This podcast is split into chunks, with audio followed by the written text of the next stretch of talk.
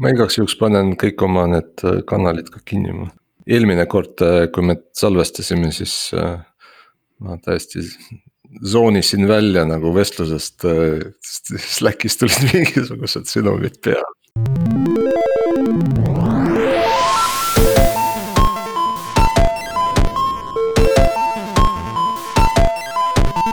Tere taas kuulama Algorütmi, täna on kuueteistkümnes aprill, mina olen Tiit Paananen Veriffist ja koos minuga on stuudios Sergei Anikin Pipedrive'ist. järgi, järgmine Algorütmi episood ja jällegi uuesti Squadcasti virtuaalsest stuudiost, et see on juba neljas saade, mida teeme kodukontoritest ja, ja tegelikult tuleb hästi, päris hästi välja. Aga meil on ka külalised saates ja täna on külas siis Brett Astrid Võmma Katanast ja Helen Kokk Nortalist ja täna räägime kasutajakogemuse disainist. hakkame siis külaliste tutvustusega pihta, et eh, Helen, et eh, räägi mõni sõna endast ja, ja, ja millega tegeled eh, ja kuidas, kuidas sa oled jõudnud siia kasutajakogemuse disainini? ma olen siis juba selles valdkonnas või selles sektoris tegelikult, ma ütleks, et terve oma elu tegutsenud ehk siis, et juba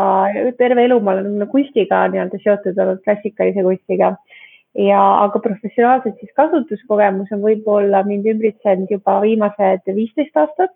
ja seda siis ma ütleks, et niimoodi äh, viiskümmend, viiskümmend, et avalikus sektoris ja erasektoris ja see on viinud mind ka Eestist väljapoole, et Ameerikasse, Aafrikasse Äh, Aasias osaliselt, et kus ma siis tegutsenud olen erinevate profiili ja projektidega. aga kuidas ma leidsin selle enda jaoks, oli läbi kunsti, et ma tegutsesin mitu aastat äh, disainerina ja siis ükskord, kui mul oli selline äh, eraprojekt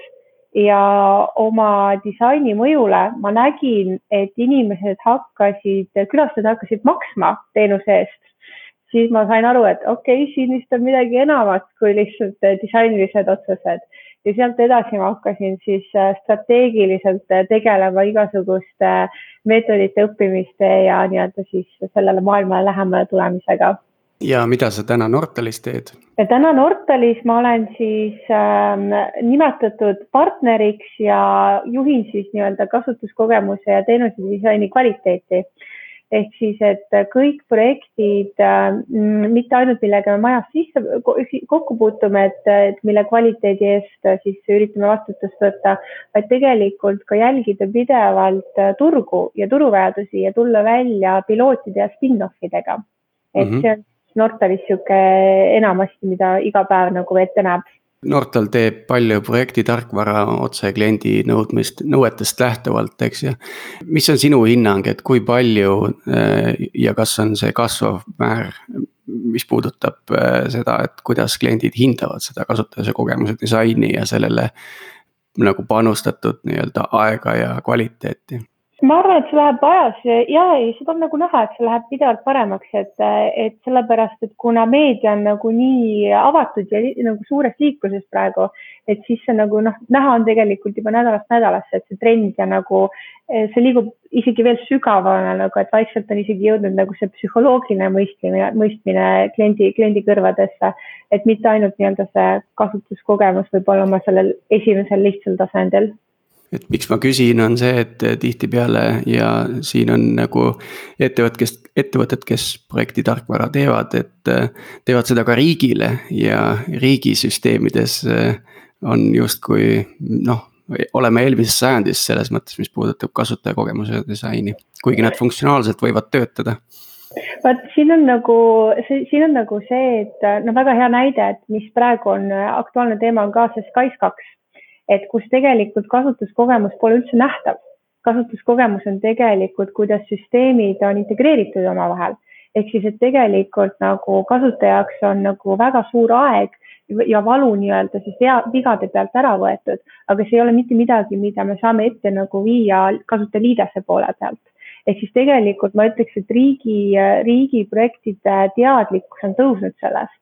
ja kui nagu mult küsidagi nagu seda vahet, et, et noh, me räägime riigisektorist ja erasektorist, minu jaoks siin ei ole piiri, tegelikult see üks peakski nagu toimima koos. et miks ei võiks olla näiteks niimoodi, et äh, ütleme, et siin Eesti.ee teeb näiteks koostööd äh, Swedbankaga, miks ei saaks näiteks sealt liiklust vahendada, jälle teeb kasutuskogemust paremaks. Et mina ei paneks neid kahte erinevasse lahtrisse. Mul juba tekkis nii palju küsimusi, aga enne kui me võib-olla sügavamale hüppame, et kuulame ära Bretti ka. Tere, tere, äh, minu nimi on siis Brett Astrid Võmma. Äh, olen disainer ja disainijuht ning äh, minu teekond algas ka pigem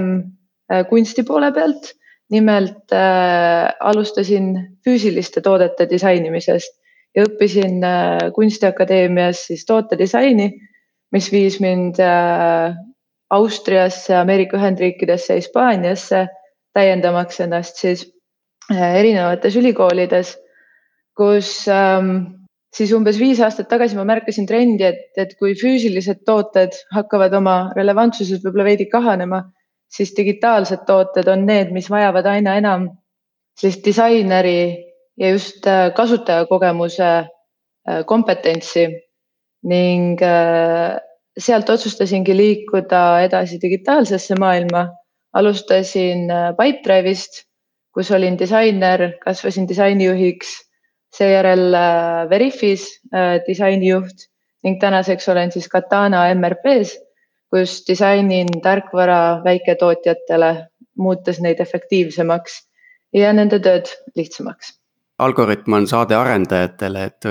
võib-olla panekski selle liini pealt vudima, et kui nüüd meil on selline nii-öelda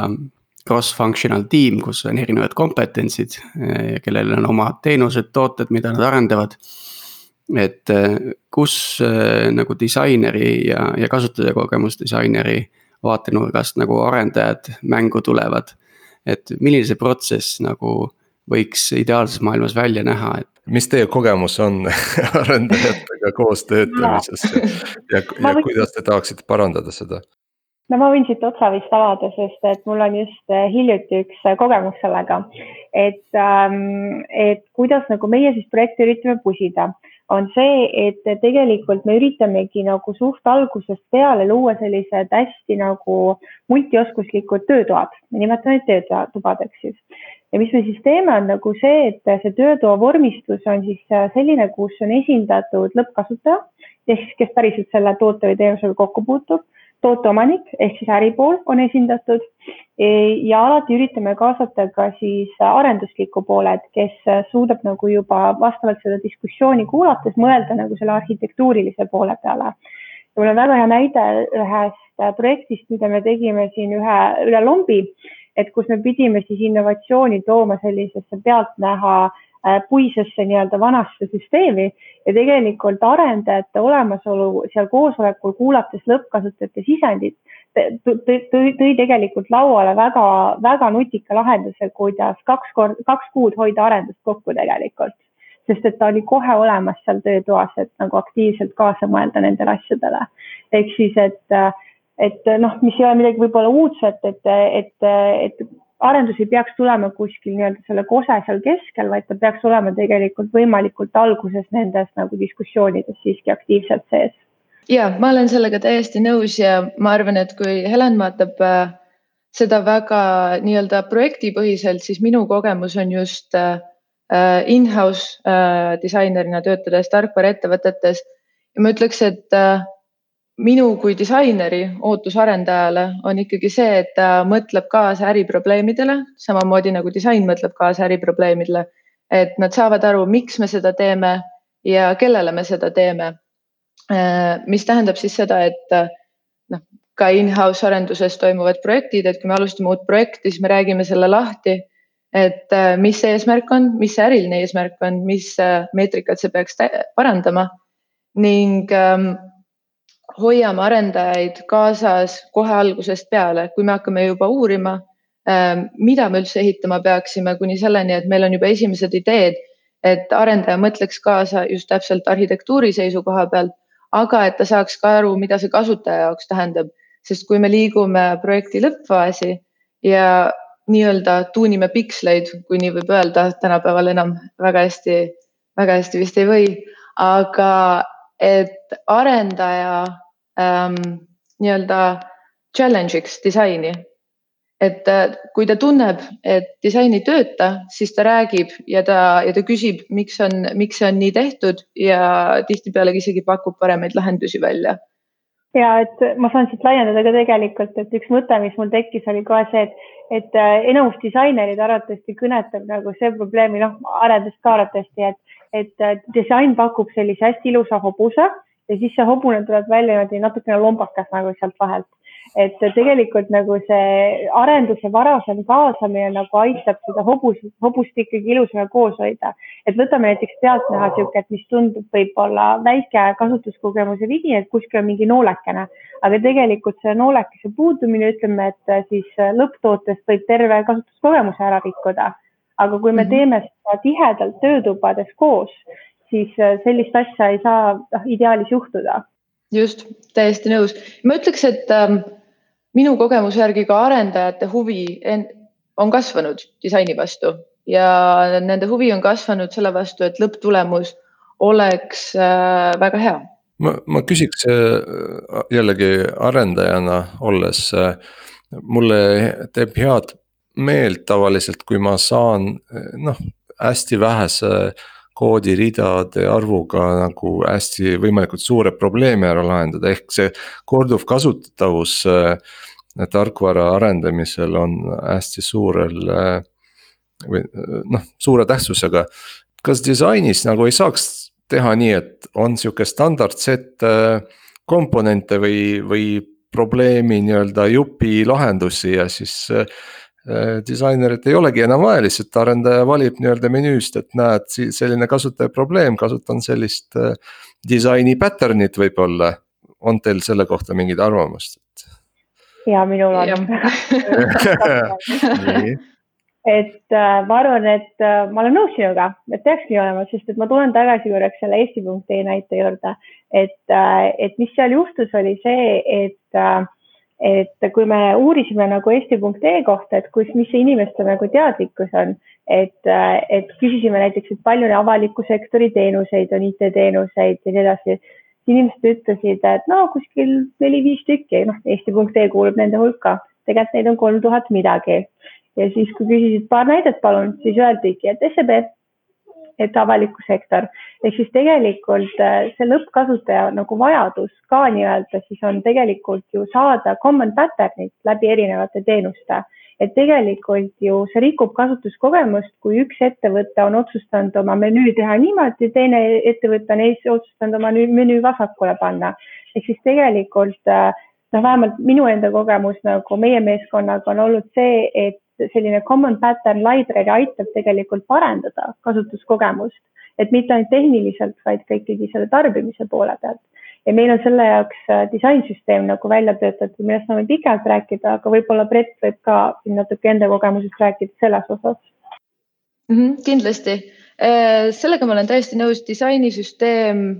on see suund, kuhu kogu, ütleme, front-end äh, ja disainimaailm on liikunud, et ähm,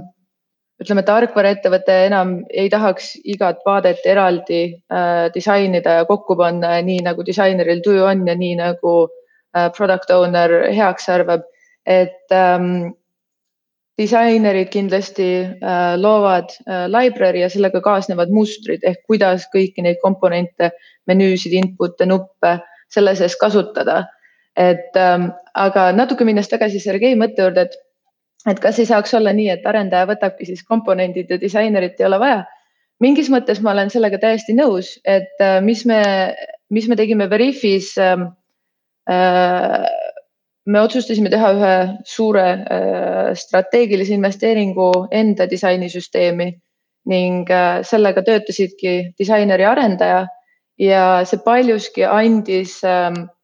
võimaluse just selleks, et kui me Äh, ehitasime näiteks in-house teenuseid, kus võib-olla disainiressurssi ei ole vaja, siis arendaja saigi kasutada meie library't ja juba sealt võtta äh, komponente, millest ta sai kokku panna siis täiesti kasutatava äh, UI, mis tähendas, et noh, kõik need komponendid olid disaineri poolt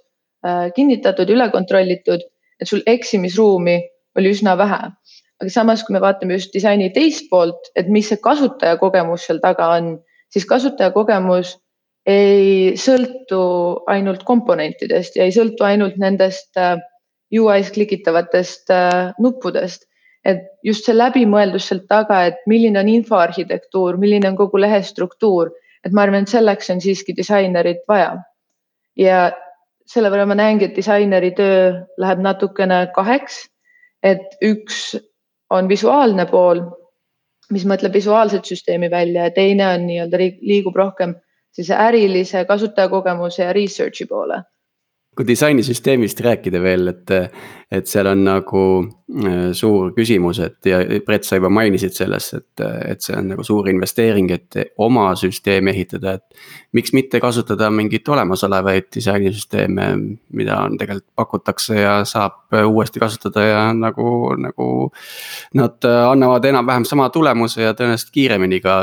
igasugustele startup idele, kellel noh, ei ole võib-olla neid ressursse, et nagu oma asju mm -hmm. ehitada et mis, mis hetkel see vahe sisse tuleb, millal seda investeeringut on vaja teha mm? -hmm. absoluutselt, see on väga hea küsimus ja, ja mul ongi just äh, nüüd kogemus äh, siis valmis kirjutatud library'ga äh, Katanas ja ma ütleks, et mis see erinevus on, miks ühes ettevõttes oli mõistlik äh, valmis kirjutada enda süsteem, miks teises ettevõttes on mõistlik kasutada siis olemasolevat library't ma arvan, et see on äriline, äh, strateegiline otsus, et sa pead aru saama, milline on sinu turg. see tähendab seda, et äh, millised on su kompone-, äh, konkurendid, kui kõrge on nende disaini tase, kui kõrge on siis sisenemisbarjäär sinu turule, ehk siis kui suurt front-end arendust või noh, üldiselt arendust sa vajad, et tuua mingi MVP turule ehk siis ähm, kui me võtame ühe äärmuse, kus sul on äh, turule sisenemine üsna lihtne ja tegijaid on palju, mis tähendab seda, et äh, kõrgel tasemel selleks, et edukas olla, ei, ei piisa sul vaid heast tehnoloogiast, vaid sa pead suutma ka silma paista oma toote esteetika, kasutajakogemuse ja, ja brändi poolest.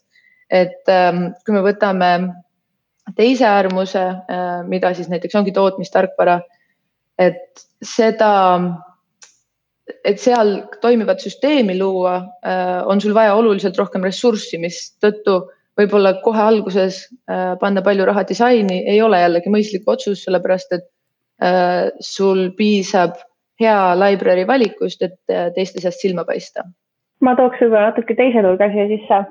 et äh, meil on nüüd kogemus sellega, et äh, ma toon kaks nagu näidet siis, et ütleme, et kui äh, valida nagu äh, olemasolev raamistik,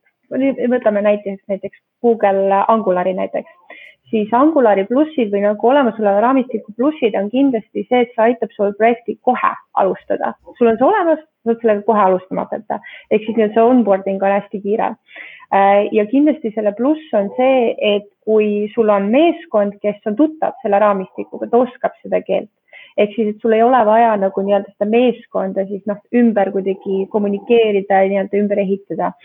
nüüd, aga miinus on see, et näiteks Angulari konkreetne probleem on see, et seal ei ole väga head äh, date and time picker'it ja see oli meile väga suureks probleemiks ühes äh, ühes ähm, e-tervise projektis kus see rikkus terve kasutuskogemuse ja kuna tegemist oli olemasoleva raamistikuga, siis arendusel läks tegelikult mitu korda rohkem aega, kui see oleks näiteks nullist tehtud, aga kuna ta pidi sinna raamistikku mahtuma.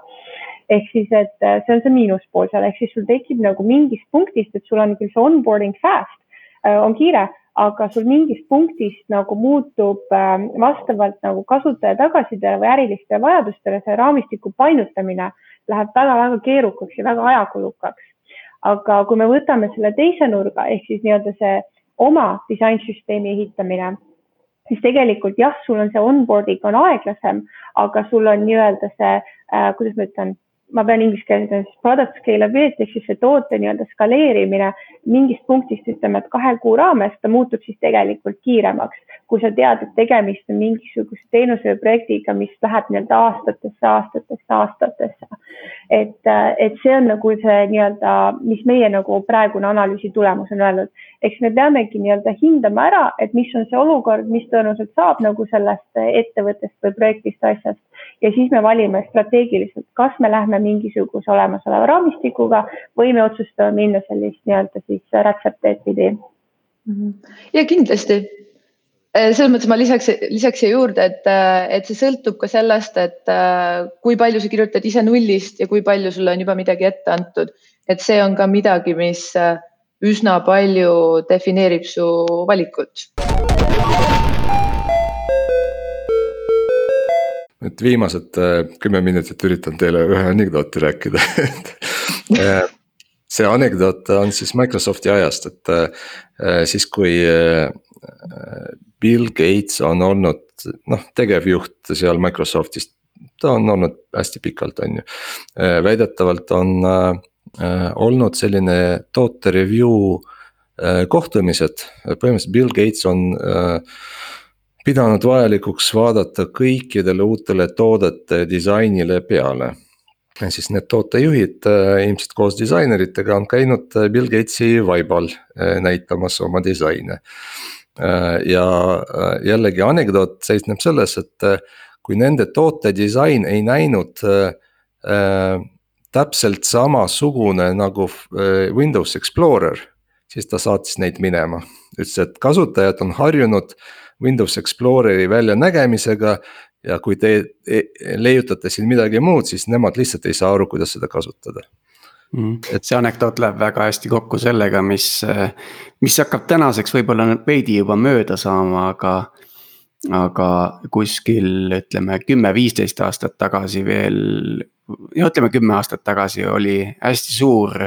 erinevus kasutajakogemuses, kui sa kasutasid näiteks mingeid sotsiaalvõrgustiku teenuseid või kus kõik autofill'id, date picker'id, kõik töötasid hästi intuitiivselt ja, ja siis sa läksid oma ettevõtte tarkvara kasutama mingit ERP lahendust või mingit raamatupidamislahendust, kus sa pidid äh, tippima neid neid kuupäevasid kaldkriipsude või punktidega sisse õiges järjekorras ja nii edasi, et, et äh, ma nagu täheldasin hästi palju sellist äh, stressi, mis, mis inimestes tekkis, kui nad oma sisemisi tööriistu kasutasid, mis olid nagu ajast ja arust kasutaja kogemus disaini võtmes.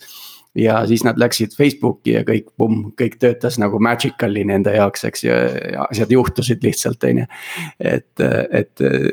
natukene räägib sama, sama anekdooti, mida Sergei just mainis, et, et võetakse mingisugune mingisugune etalon ette. Äh, aga, ja siis, kui seda etaloni ei täideta, siis, siis see kinda tundub nagu, et, et ei ole piisav kvaliteet või tekitab stressi. ma küsiks sihukese küsimuse, et, et võib-olla mingi hea projekti näide või, või case, et.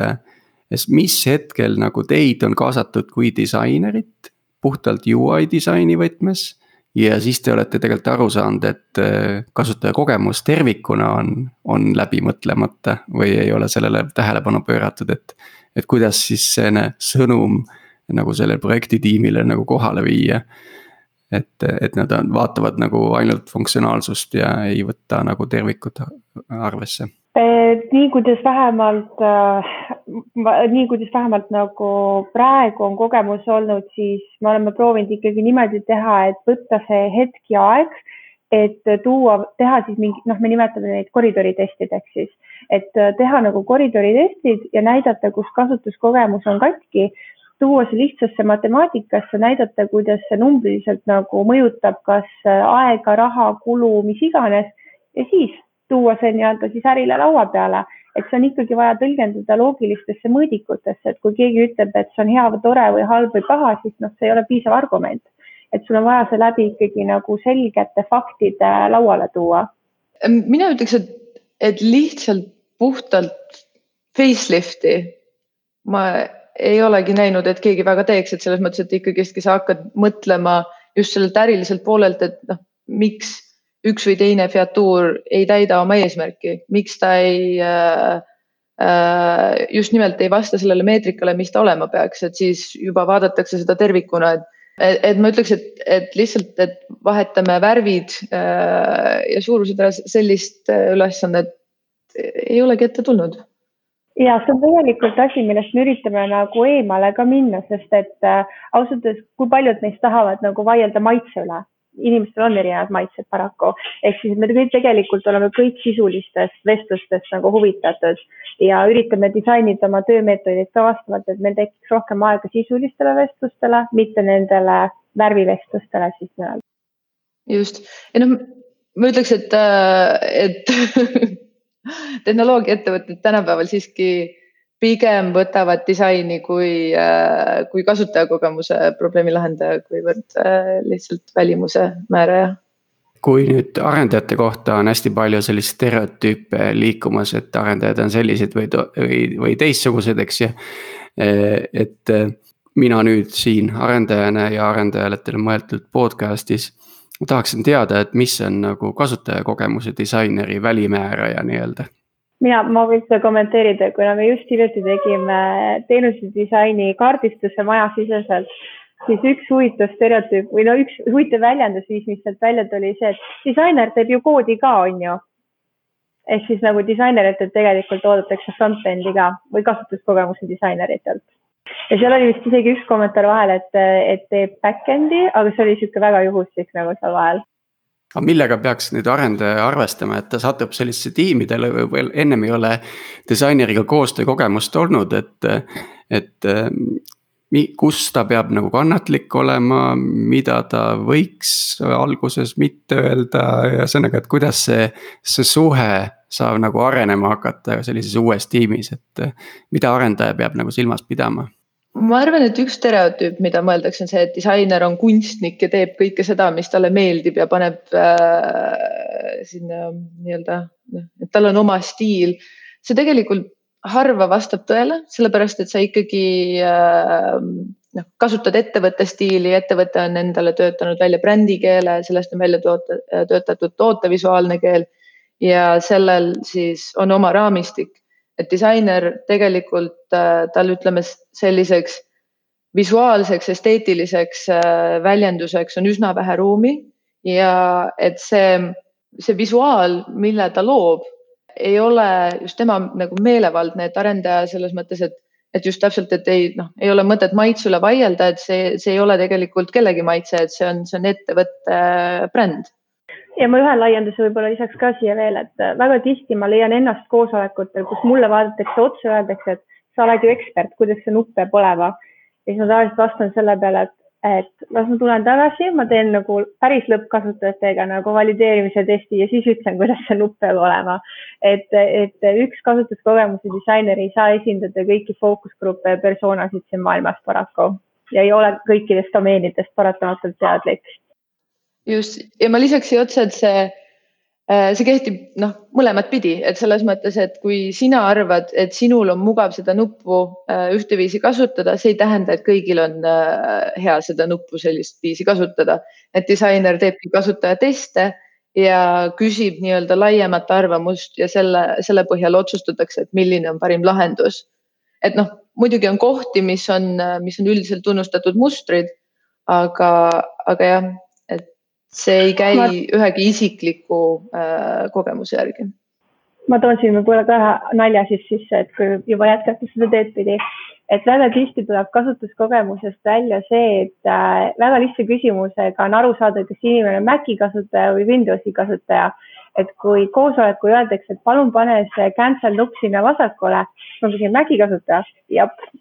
ehk siis nagu tegelikult, äh, tegelikult äh, juba selle järgi saab aru, sest Windowsis on vastupidi jah ja ei nupud, Macis on teistpidi. ehk siis, et juba kõik see tegelikult mõjutab, et kui me teame fookusgrupi pealt, et enamus inimesi on Windowsi kasutajad, siis me disainime mustrit selle järgi järelikult. mitte see, kuidas sina, mina või tema on harjunud kasutama selle Maci Windowsi kohta on, on veel äh, nalju, üks nali on see, et et Windowsi masinad on nendele, kes teevad tööd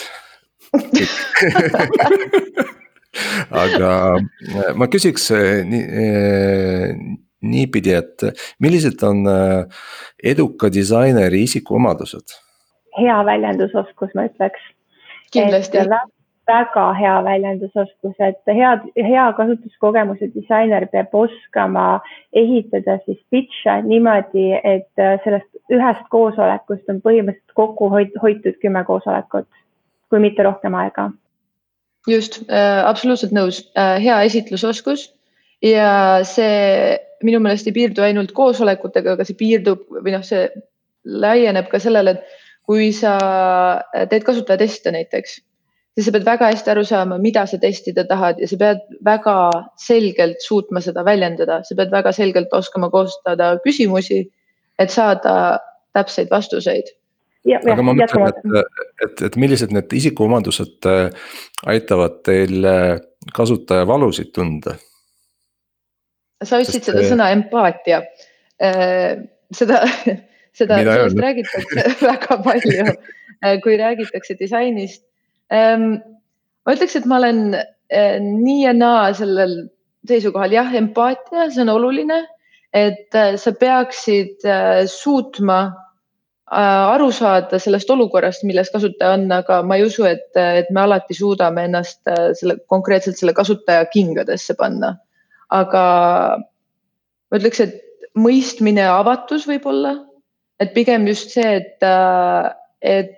sa saad aru, et kogemused, oskused, äh, taust on erinevad ja et äh, sa oskad ennast nagu oma mõttemaailmast välja viia. panna ennast teiste kingadesse, mul on tavaliselt see probleem, et ma teen lahti mingisuguse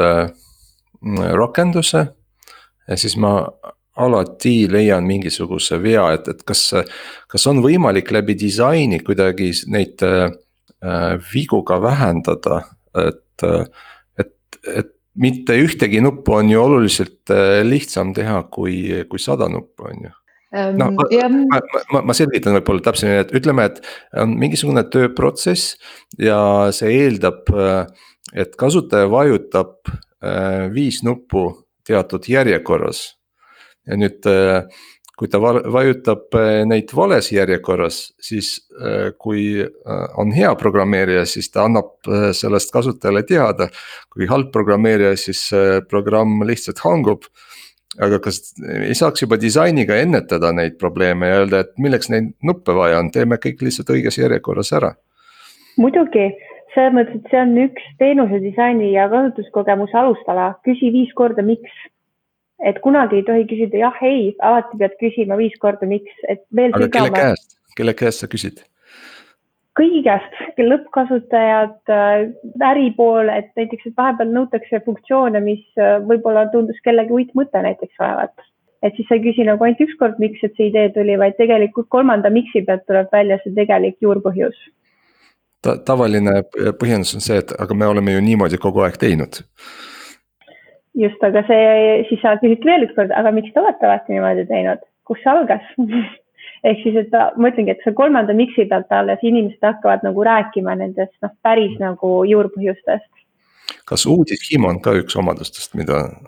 heal disainil on vaja? kindlasti, tohutu uudishimu ja tohutu kujutlusvõime nagu inspireerida ka teisi nagu siis äh, mõtlema nagu kastist väljapoole et siis noh, kasutuskogemuse disainer peab ka avama neid opportunity võimalusi ja selleks peab kasutama igasuguseid nippe, trikke, töömeetodeid, mis iganes, et nagu panna inimesed mõtlema just väljapoole sellest, mis sa väitsid, aga nii on alati asju tehtud. aga mis siis, kui me teeme teistmoodi?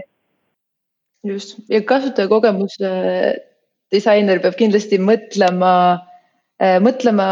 laialt kõigi peale et mis on ühe inimese kogemus ja mis on ühe inimese põhjendus, ei pruugi kattuda teisega. ehk äh, kui sul on need viis nuppu ja sa pead neid vajutama mingis järjekorras, siis hea disainer mõtleb läbi kõikvõimalikud kombinatsioonid. et mis juhtub, kui sa vajutad neid vales järjekorras, et mida peaks süsteem siis kuvama ja mida peaks süsteem siis kuvama, kui sa oled kõik nupud õigesti ära vajutanud. et äh, kõik, äh, kõik staatused, ka siis, kui internet kaob ära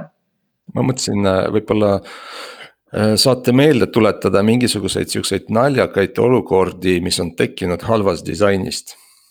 Äh, ma just tahtsin võib-olla avada selle valdkonna tegelikult, et ma viimase aasta adresseerisin väga kõvasti punkti, aga mis siis, kui kasutuskogemus peabki ebamugav olema ja, ja paar näidet nagu, mis mul sellest tuua on näiteks see, et üks on sotsiaalne ebamugavus et äh, te kindlasti mäletate uudist, et kui Ülemiste ütles, et meil on nüüd KFC ja siis kõik jooksid sinna burgerit ostma ja siis seal KFC ees on sellised suured ekraanid, kus sa saad oma seda tellimust esitada, et millised burgerid ja friikaid. aga see arvatavasti ei ole juhuslik, et need ekraanid on sellised äh, suured tehtud, sellepärast et sinu selja taga olevad inimesed näevad, mida sa teed, ehk siis kui loll sa oled mistõttu sina keskendud tellimuse tegemisele ja mistõttu järjekord liigub võimalikult kiiresti, et sul ei ole seda momenti, et kus ma vastan kiirelt Facebookis sõbrale näiteks. ja teine, teine koht näiteks, mis mul tuleb ka meelde, on see, et äh, pankades on tegelikult seda kasutatud nuppude peal, et me kõik oleme harjunud nagu enteri peale, et mingisugune tegevus kinnitub aga pankades sa pead võtma oma näpuhiire ja siis navigeerima selle nupu juurde ja siis kinnitama, et jah, ma tahan oma kakskümmend tuhat eurot üle kanda. ehk siis, et, et tegelikult nagu on neid momente, kus pealtnäha tundub, et jaa, aga lähem klikk on hea kasutuskogemus, see ei vasta tegelikult tõele. kõik on väga-väga kontekstuaalne ja eesmärkidest lähtuv ja seda peabki hea kasutuskogemuse disainer küsima. aga miks, aga miks me ei tee asju niimoodi näiteks või mis see eesmärk on? Ja no sellel on kindlasti ka oma eetiline pool, et, et äh, noh, me oleme kasutanud kõik ilmselt äh, erinevaid äh, lennupiletite, majutus ja muu sellise broneerimissaite, kus kasutatakse ka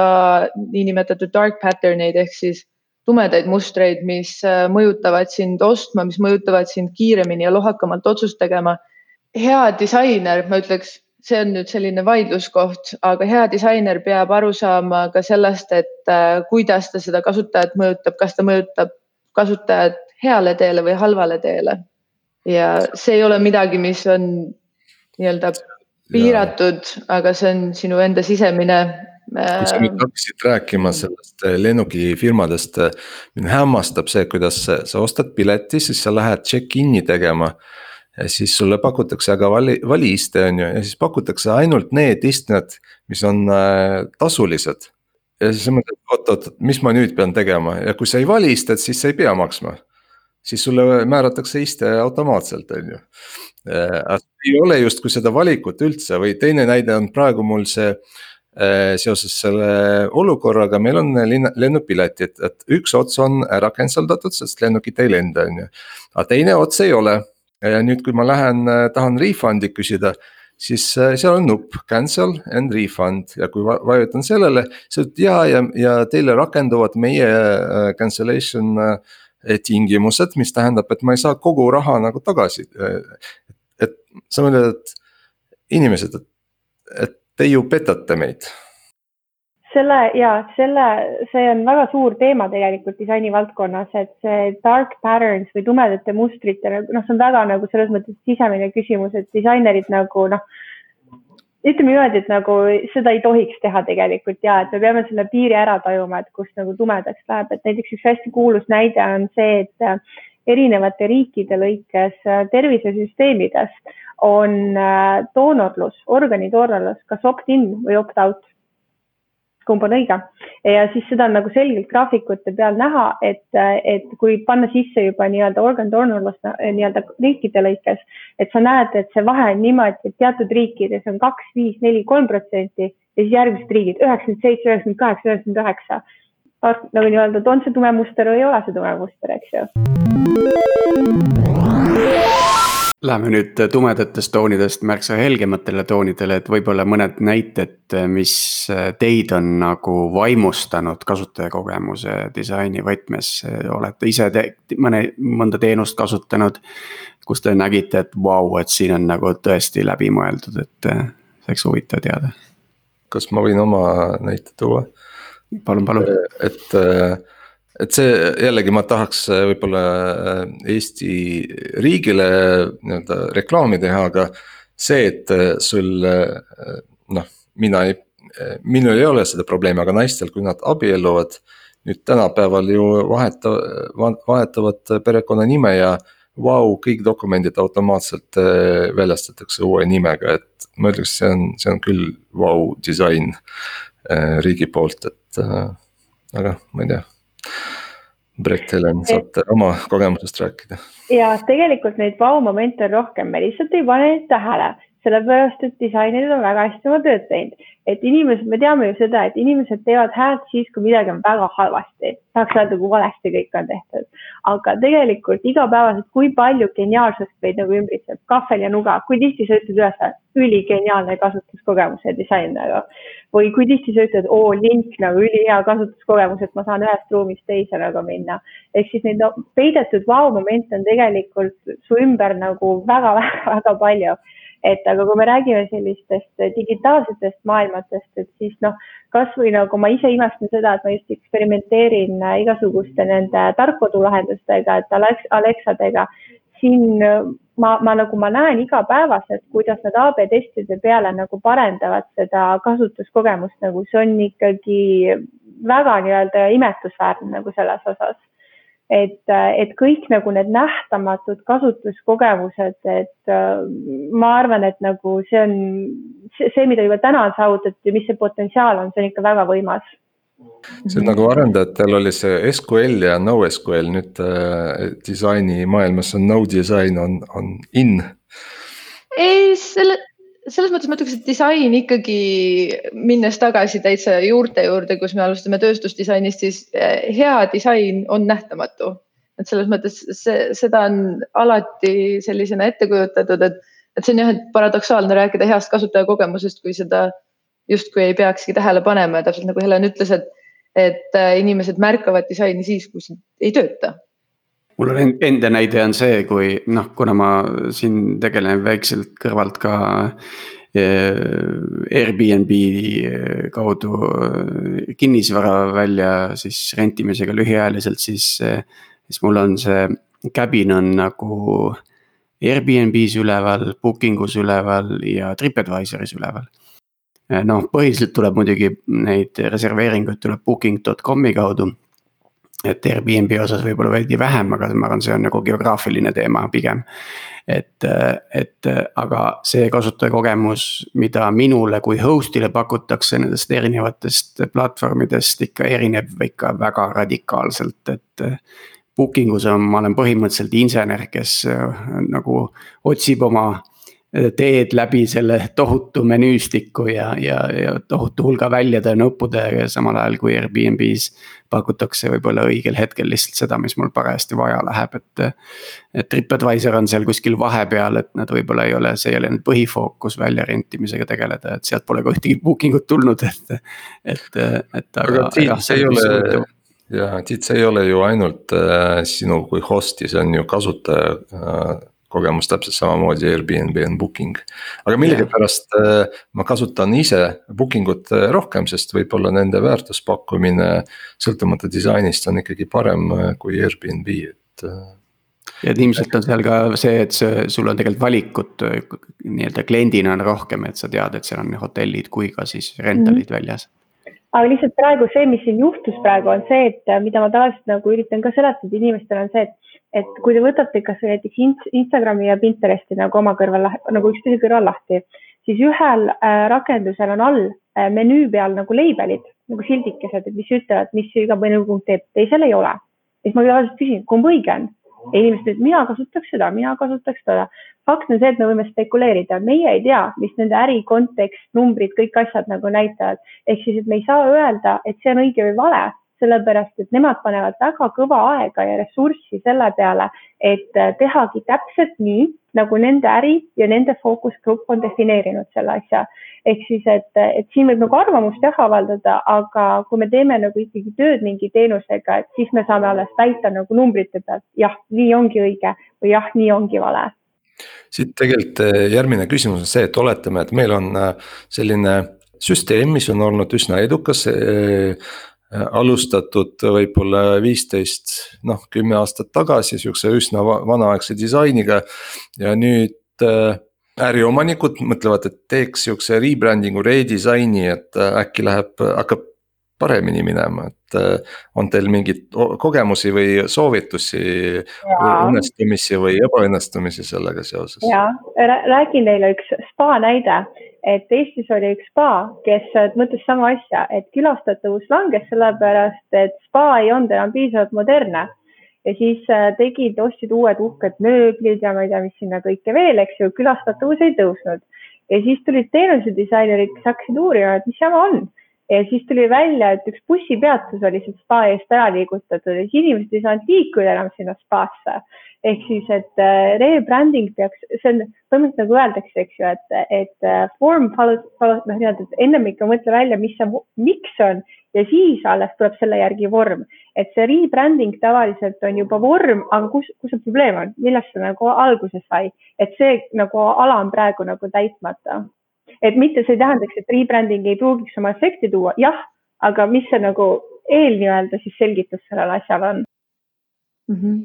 Ja selles suhtes ma olen nõus, et minu meelest tuleb, äh, tuleb jälgida konteksti, et, et kui sa lihtsalt arvad, et äh, sinu tarkvara ei näe enam piisavalt modernne välja, siis see ei ole kindlasti mitte põhjus muutmiseks, küll aga kui sul hakkab sisse tulema näiteks tagasisidet klientidelt, et äh, ma ei valinud teie tarkvara sellepärast, et see tundub vana. vot see on juba koht, äh, kus tasub mõelda selle kvantifitseerimisele ja sealt edasi siis nii-öelda äh, facelift'ile või brändi ja, ja UI uuendamisele. kuidas seda kasutajate tagasisidet korjata, mis, mis teie soovitused on? ma arvan, et esiteks tuleks seda kindlasti äh, korjata järjekindlalt ja see ei ole ainult disaini ülesanne, et see on siiski kogu ettevõtte huvides, et, et ilmselt üks kõige peamisi näitajaid on NPS ja, ja churn et me saame uurida, kui rahul on meie olemasolevad kliendid ja kui kliendid lähevad ära või kui kliendid ei konverteeru maksvateks klientideks, siis miks. ja see on mingi töö, mis ei ole ühekordne projekt, see on äh, järjekindel uurimus, mis peab kogu aeg toimuma kuust kuusse küll aga disaineritena me võime võtta ette mingi spetsiifilise äh, osa tootest äh, ja seda sügavamalt uurima hakata kas siis läbi kliendiintervjuude? ja et ma ütleks ka, et see peab olema rutiin, aga kahesugune rutiin, kvantitatiivne ja kvalitatiivne. et jälle jube hea näidete peal rääkida, eks ju, et Spotify, et Spotify tegi just samale selle rebranding küsimusele tegi mõlema, mõlemad nagu nii-öelda siis testid kvantitatiivne test näitas seda, et kasutajad eelistavad puhtalt andmete ja statistika analüüsi pealt eelistavad tumedat aga kvalitatiivne ehk siis intervjuud, sessioonid nii-öelda siis näitasid, et heledad, sellepärast et teksti on parem lugeda, kontrast. aga mis on Spotify ärieesmärgid? ärieesmärgid on kuulaja kuulaks võimalikult kaua nagu, veedaks võimalikult kaua aega selles keskkonnas. ehk siis tegelikult just, et see kasutusliides peab olema niisugune tume ja nii-öelda selline hästi nagu noh, natuke ebameeldiv, et ma ei taha vaadata, aga ma jätan taustal käima ehk siis nagu tegelikult, et sa pead nagu vaatama, mis iganes meetoditega kvaliteedi pealt ja kvantiteedi pealt ja siis alles otsuseid tegema, mis on äriliselt defineeritud mm. -hmm. et kui me, kui me lähme nüüd arendajate juurde tagasi, et siis arendaja väga tihti küsib, et okei okay,, et noh, et mis, mis see number seal taga on, et, et kuidas on miski mõõdetav, siis äh, ma ütleks, et äh, ja mida mina olen oma äh, tiimides palju rakendanud, on just äh, ähm, siis täiesti mitte arendaja, mitte arendajate palkamine, ehk siis võtame näiteks antropoloogid, kes on researcher'id, kes just otsivad seda inimlikku kogemust. ka seda on võimalik äh, teatava piirini kvantifitseerida, aga ta jääb siiski kvalitatiivseks dataks ja noh, üks legemaid näiteid on ju on ju, mis ma arvan, juba ka kvalifitseerub anekdoodi alla, on, et Nokia küsis inimestelt, et milliseid telefone te tahate, kõik ütlesid nuppudega telefone, sest nad ei olnud kunagi midagi muud näinud. et noh ähm,, see on, see on see koht, kus hakkavad nagu äh,, mis mhm. teeb ühest tootest hea toote ja teisest mitte. kui palju ja. sa sellest kvalitatiivsest poolest aru saad ja et noh, üks oluline nagu üks küsimus, mis siin enne ka läbi sai, et mis see koostöövorm on. üks koostöövorm on kindlasti nagu koos arendusega disainida kasutaja teekondasid äh, siis noh, vastavas lahenduses, et vaadata nagu puhta meetrika ja statistika pealt, et äh, kuidas need tunnelid nagu siis liiguvad. et, et see on kindlasti nagu üks, üks äh, koostöövormidest nii-öelda kasutuskogemuse ja noh, arendus kui üldine nagu termin. just ja see peaks juhtuma enne kui, kui me toote valmis ehitame tarkvaraorganisatsioonid mm, või tarkvara ise tihtipeale noh, on selline käibetõde, et. et see tarkvara nagu näitab eh, seda, milline organisatsioon seal taga on. et eh, kui sa seda kasutad, siis saad sealt vaadata, kas see organisatsioon töötab koostöös ja. Ja, ja kas erinevad funktsioonid oma, on omavahel heas koostöös, et. kui me nüüd organisatsiooni disaini juurde läheme ja, ja teil on see kogemus olemas, olles nagu disaini poole peal et eh, mis on selline äh, ideaalne olukord, et äh, noh, ma ise viskan õhku ja öelge, et kas ma eksin. et kui meil on nagu selline cross-functional tiim, kus on siis tõesti kõik kompetentsid olemas to, toote owner, disainer, keegi researcher, kes nagu tegeleb kliendi suunas siis on seal testijad, arendajad, mingid infrastruktuuri inimesed, mingi meetrika inimesed, et noh, saab nagu mõelda sellisest väiksest väiksest äh, tiimist kui pisikesest startup'ist, kus kõik funktsioonid on tegelikult olemas. aga reaalsus tihtipeale on see, et, äh, et ka disainiressurssi on vaja mingil hetkel rohkem ja teisel hetkel vähem. ja siis organisatsioonid hakkavad optimeerima, et kuidas seda organisatsiooni niimoodi disainida, et, et ähm, on justkui nii-öelda disainitiim ja siis on nagu tootetiimid ja siis need disainerid hüppavad seal edasi-tagasi, et et mis on selline ideaalne lahendus selles, selles võtmes? ma ütleks, et ideaalne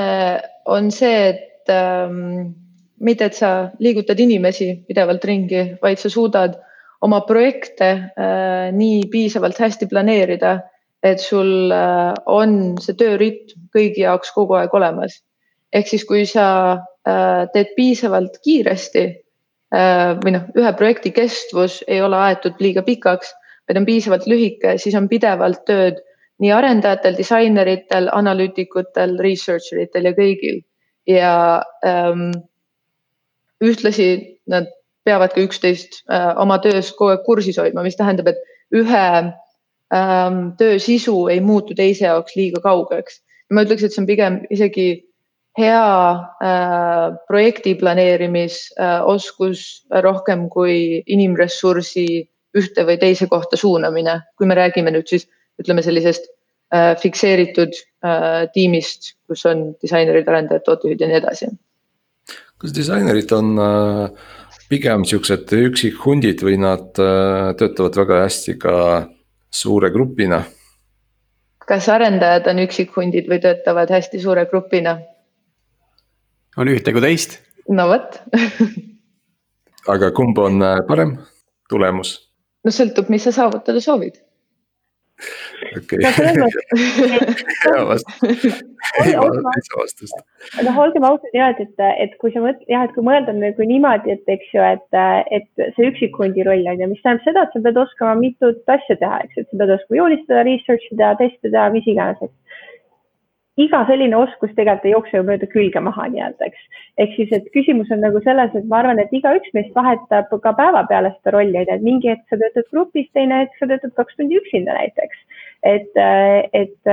ja noh, küsimus on nagu selles, on ju, et me kogu aeg tahame edasi areneda, et, et, et siis need grupid peaksid olema üles ehitatud niimoodi, et, et mitte mina ei ole üks suur õpetaja kogu aeg, eks ju, vaid et ma saan ka teiste pealt midagi juurde õppida, kus minu teadmised või oskused võib-olla lühikeseks jäävad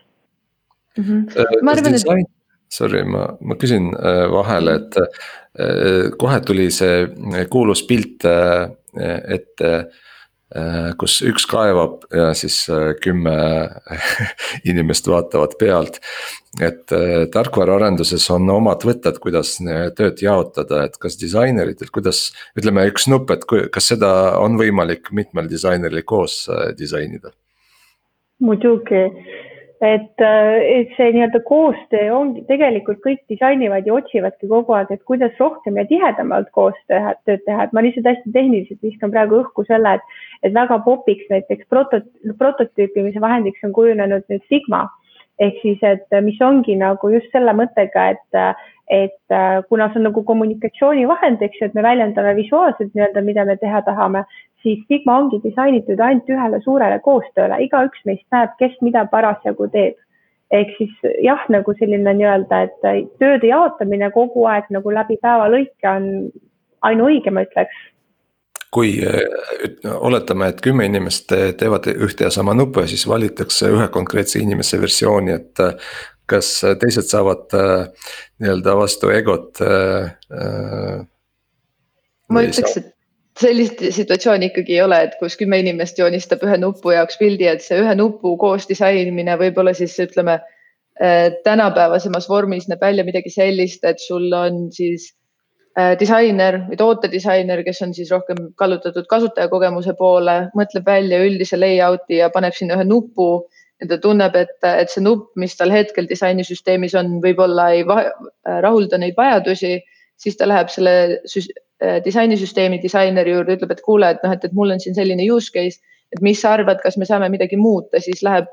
see disainisüsteemi disainer, mõtleb natukene ja joonistab mingeid variante nupu jaoks ja seejärel tulevad kokku teised disainerid, kes saavad samamoodi sellest muudatusest mõjutatud ja hakkavad siis arutama, et kas see muudatus on hea või halb äh,. ning see on see viis, kuidas koostööd tehakse, et pluss siis, kui see esialgne disainer saab oma nii-öelda vaate valmis, siis ta küsib tagasisidet teistelt disaineritelt. Ja mõnes kohas seal võib olla, et, et noh, disainerid pakuvad erinevaid lahendusi, see on ikkagi tema ülesanne need läbi katsetada ja töösse panna. Või siis ta võib näiteks ähm, ütleme enda töö jaoks tellida nii-öelda illustratsioone võib-olla siis eh, disainerilt, kes äh, joonistab illustratsioone, et selles mõttes, et, et ikkagi igal disaineril on oma kompetents, mille eest ta vastutab ja, ja see koostöö käib tagasiside formaadis, et, et selliseid asju, et, et käiks võistlus, kes joonistab parema nupu, et, et seda, seda ei ole. Ja mentaliteet on ikkagi koosloomine, mitte parima idee äh, võidutsemine ja ma, ma kuulsin natuke jah seda küsimust teise nurga alt, et, et kui ma õigesti aru sain, et siis, et niisugune disainikonkurss nagu, eks ju, et nagu mitme layout'i pakkumine, sellist äh, meetodit ma ei ole ka juba enam nagu mitu-mitu aastat näinud, et disain saab olla väga-väga mõtestatud tegevus. Ja just hiljuti ma kuulsin ka, et, et meil, meie meeskonnaga liitus üks juunior disainer kellega me hakkasime siis ühte uust, uut nagu projekti koos pusima, et kes tuli hästi tugeva graafilise disaini taustaga ja ütles ka, et oo oh,, et kui ma teen kasutuskogemuse disaineritega tööd, siis disain saabki ainult üks välja tulla, kui, kuna see on nagu nii-öelda ära süstematiseeritud nagu järeldused tegelikult siis mingisuguse nagu uuringu pealt. ehk siis, et, et jah, et niisugust nagu, et näed, siin on kümme kujundust, millist sa tahad, et niisugust olukorda jah, nagu tänapäeval enam väga ei näe aga nüüd võtame selle olukorra, kus ma olen arendaja, väga väike tiim, mul ei ole disainerit. ja mul on terve rida mingeid teenuseid ja, ja portaale, kus ma saan tegelikult midagi õhku visata ja siis keegi mulle selle disainib ja siis ma siis ikka valin sealt, et, et on selline crowdsourced disain nii-öelda, et kas see lendab praegu või mitte. vahepeal oli justkui populaarne kõigel on alati turgu, selles mõttes, et see on kindlasti üks haru, mis ei sure nagu lähiajal ära. et jälle nagu, nagu me siin mitu korda läbi käinud, kõik on kontekstuaalne, kui sul on väike meeskond, vähe ressurssi, siis sa kasutad meetodeid, mis on loogilised selles olukorras. aga nüüd, kui ma olen arendaja ja mul ei ole disainerit, et mis on need, need põhimõtted, millest ma võiks nagu lähtuda öö, oma rakendust luues, et ma saan aru, et see on hästi nagu pikk ja suur küsimus, eks ju, aga aga võib-olla mõned sellised nipid, mida saab kohe nagu, ma ei tea, vältida või välistada, et. et mitte nagu kohe ämbrisse astuda, ütleme nii. no esiteks mõtle, kes on su kasutaja. ja, ja ära hakka midagi looma enda perspektiivist lähtudes, vaid ikkagi kasutaja perspektiivist lähtudes mm. -hmm. et äh, mul on ka siin kaks võib-olla soovitust, et nagu mitu korda kõik on läbi käinud, et kõik on koostöö inimsuhted siis on äh, üks väga kuulus startup nimega Google. et kui sa paned sinna sisse näiteks, et what's the best practice for äh, näiteks, et äh, panga, ma ei tea, menüü, eks ju, nii palju case study sid on sellest kirjutatud ette ja taha, üles ja alla loe need paar tükki läbi, eks ju, sa tead täpselt tegelikult, et juba kellegi teise väga sügava uurimustöö pealt, et mis on arvatavasti parim nii-öelda siis tee, et minna ja teine tee on see, et äh, väga palju on disaini, äh, disaini selliseid community'd, kuhu on arendajad väga oodatud, et see ei pea ainult disainerite keskseks jääma, et, et Slackis, Facebookis, igal pool nagu, et keegi küsija suu pihta ei lööda, et kui sa küsid nagu, et viis minutit, on kellelgi kogemust, saaks äkki korraks arvamust avaldada, mis see kõige suurem kadu saab olla mm -hmm.? nojah, ainuke asi, et peab suhtlema inimestega, eks ju ja selles mõttes, et ma ütleks ka, et, et, et kõigepealt kellele sa teed,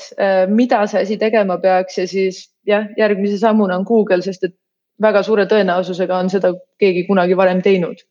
et sest, et, sest ausalt öeldes nagu ma nagu küll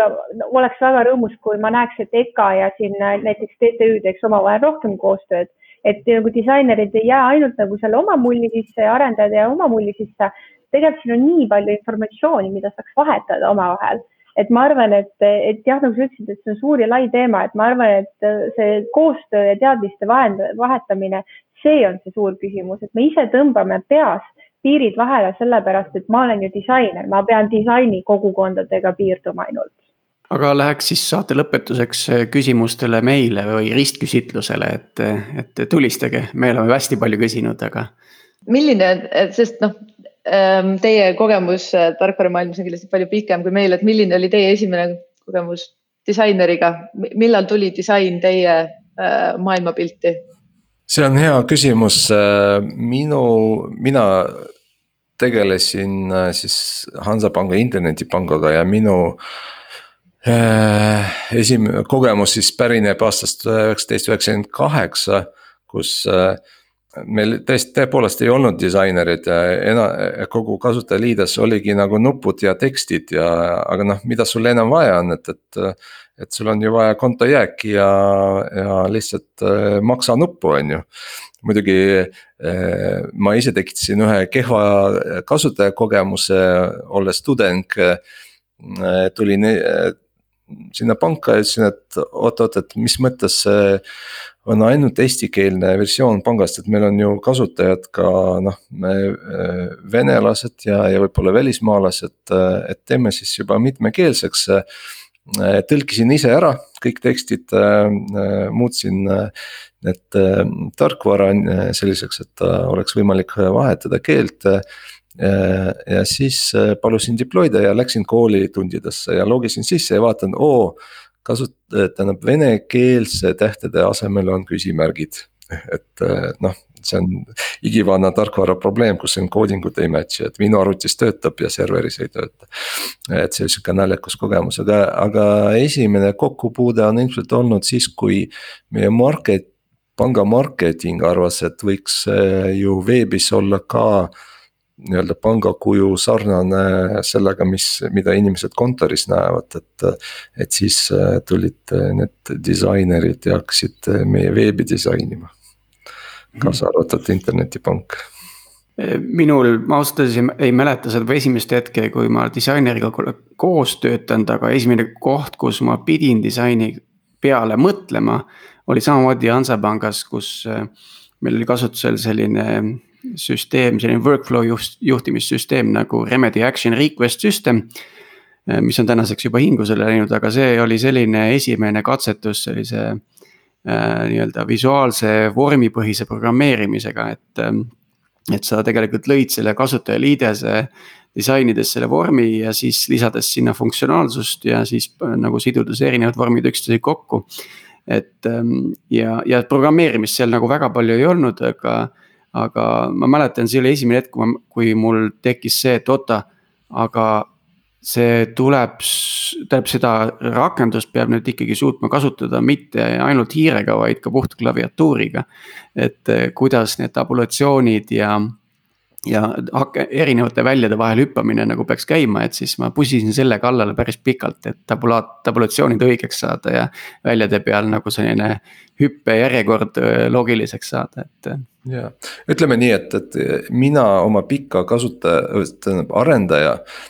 karjääri jooksul ei ole ühtegi korda disaineriga koos töötanud, ma pidin kõik ise oma kasutajaliidesed ära disainima äh, ja ma ei saa öelda, et, et ma oleks kehvasti teinud, kindlasti mitte kunstilise koha pealt, aga kasutajakogemuse koha pealt eh,